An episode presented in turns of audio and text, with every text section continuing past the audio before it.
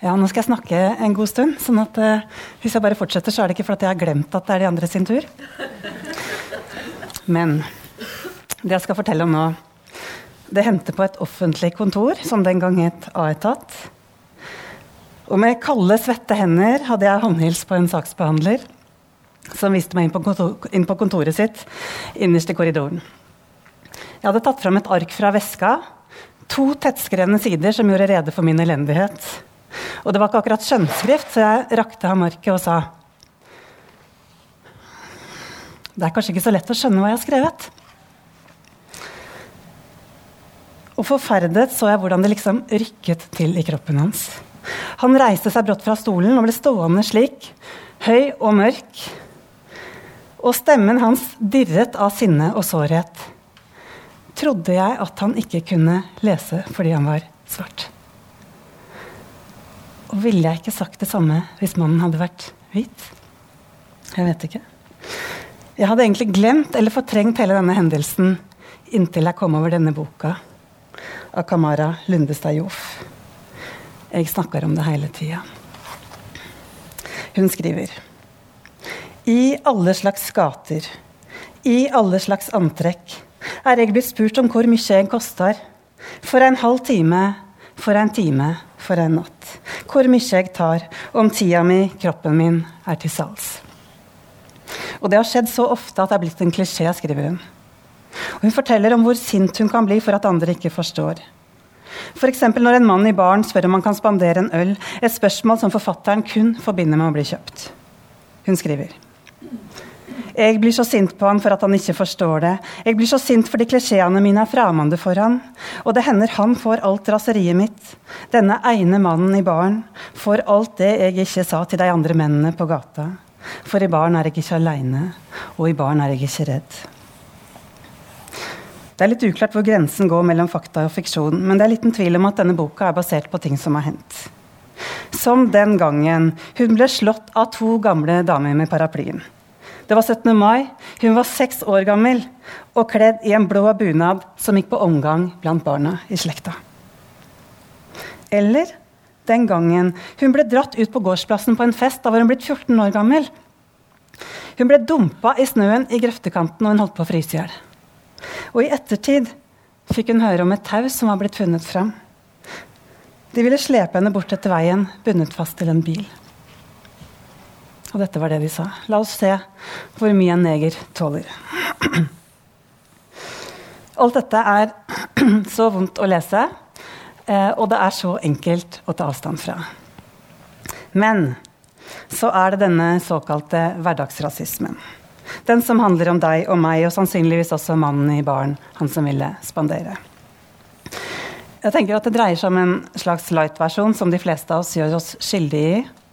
Ofte pga tankeløshet, og ofte i beste mening. Kanskje er det derfor forfatteren velger å avslutte boka slik, med en oppfordring til leseren, som også forplikter oss alle. Du kan få bære denne boka i veska di. Det er kanskje det jeg vil. At vi bærer dette sammen. Ja. Og som man sier i disse dager, klarer du én, så klarer du to. Jeg snakker om det hele tida, og Ikke vær redd, sånne som meg er bare to i en serie små politiske pamfletter. Serien heter Norsk Røyndom, utgiveren er Samlaget, og jeg holder en knapp på at dette er et levedyktig format. Tynne, lette, raske å lese og fylt av levd liv. Det er flere likheter mellom disse to pamflettene. Begge handler om en jeg-person som minner om forfatteren selv. De er skrevet på nynorsk i et personlig og tilgjengelig språk. Innholdet er gjenkjennelig og lett å relatere seg til, uavhengig av hvor i verden slekten din springer ut fra. Ikke minst handler disse to bøkene om rasisme. Fra drapet, drapet på Benjamin Hermansen til 22.07. til nazister som vandrer i gatene, og til hverdagsrasisten i oss alle. Som når du spør hvor noen kommer fra, uten å tenke på at de egentlig får dette spørsmålet, eller kanskje får dette spørsmålet hver eneste dag, i betydningen 'Hvor kommer du egentlig fra?' Når skal du dra hjem igjen? Hvorfor føler du ikke tilhørighet? Dette enkle diktet rommer et klart og kjent paradoks. Hvordan være en del av samfunnet når du stadig vekk blir minnet på at du hører til de andre. Diktet står i debutboka til Somaya Jirde Ali, og det står også her i pamfletten 'Ikke vær redd, sånn som meg'. Jeg skal innrømme at denne boka overrasket meg litt. Jeg hadde sett forfatteren både på scenen og på TV. Jeg hadde lest dikt av henne og avisinnlegg. Men stemmen i denne boka var en annen enn jeg forventet. Mildere, kanskje? Mindre sint? Jeg vet ikke om det er et pluss, men det gjorde at jeg ble mer nysgjerrig, også på diktsamlingen som kom ut i fjor. 'Melanin hvitere enn blekemiddel'. Sumaya Jirde Ali, prinsessa som ingen kunne målbinde. Senest for to dager siden fikk hun Den norske forfatterforeningens ytringsfrihetspris, og hun har tidligere fått flere priser for ytringsfriheten, eller ytringsfrihetspriser. Foreløpig er hun nok en sterkere prosaist enn poet. Men det var interessant å lese diktene opp mot pamfletten jeg nettopp snakka om, og jeg har plukket ut ett dikt som dere får her. Burkakjerring og jeg er på ferie. Her er vi ingen, sier hun. Her er vi hudløse, sier hun. Her har vi verken innvandret eller utvandret. Her er vi hudløse. Hvorfor er du så stille? Her trenger du ikke være, så, være stille. Ja. Hjemme har jeg en gutt som snart er tolv, og en hund på sju. Gutten har et guttenavn, og hunden har et hundenavn. Og resten der bytter jeg om, og må love gutten aldri mer å gjøre det igjen. Jeg vet at dette ikke er helt uvanlig, det er blitt forska på. En forklaring er at vi lagrer ulike navn, ulike navn, i, navn, i, ulike skuffer i hjernen. Det er en for barna, en for gamlekjærester osv. Og, og hvor gøy er egentlig det når du er en gutt som snart er tolv, f.eks. For, for så hender det naturlig nok at hjernen kobler feil. Og da er jeg tilbake ved dette jeg også snakker om hele tida. Forestill deg at du er Claudia Rankin, en vellykket akademiker i midten av 50-åra. Du har vokst opp i Kingston og New York og underviser i dag ved Yale. Du har, en, du har gitt ut, fem bøker og har blitt tildelt en mengde litterære priser. Og like fullt opplever du igjen og igjen at folk du møter, venner, kollegaer, kjente og ukjente, putter deg i en skuff i hjernen som først og fremst heter svart. Hør her. Da ei kvinne du jobber med, tiltaler deg med navnet på ei anna kvinne de jobber med, er det for klisjéfylt til ikke å le høyt av, sammen med vennen din som sitter ved siden av deg, som sier 'Å nei, hun sa ikke nett det'.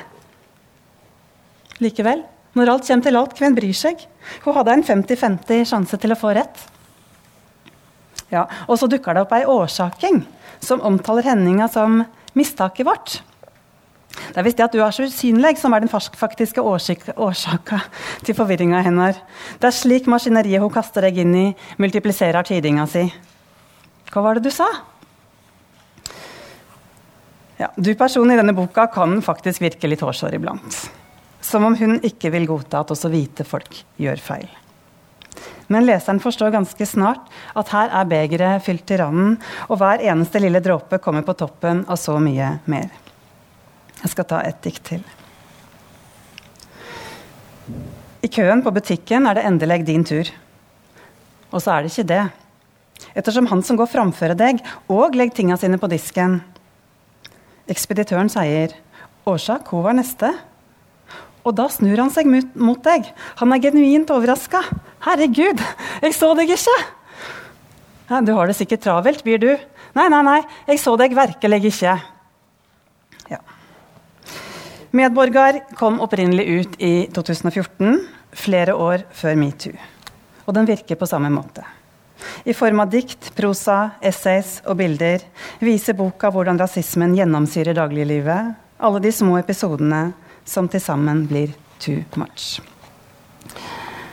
Ta f.eks. tennisspilleren Serena Williams. Gang på gang blir hun dømt for feil som ingen andre enn dommeren kan se.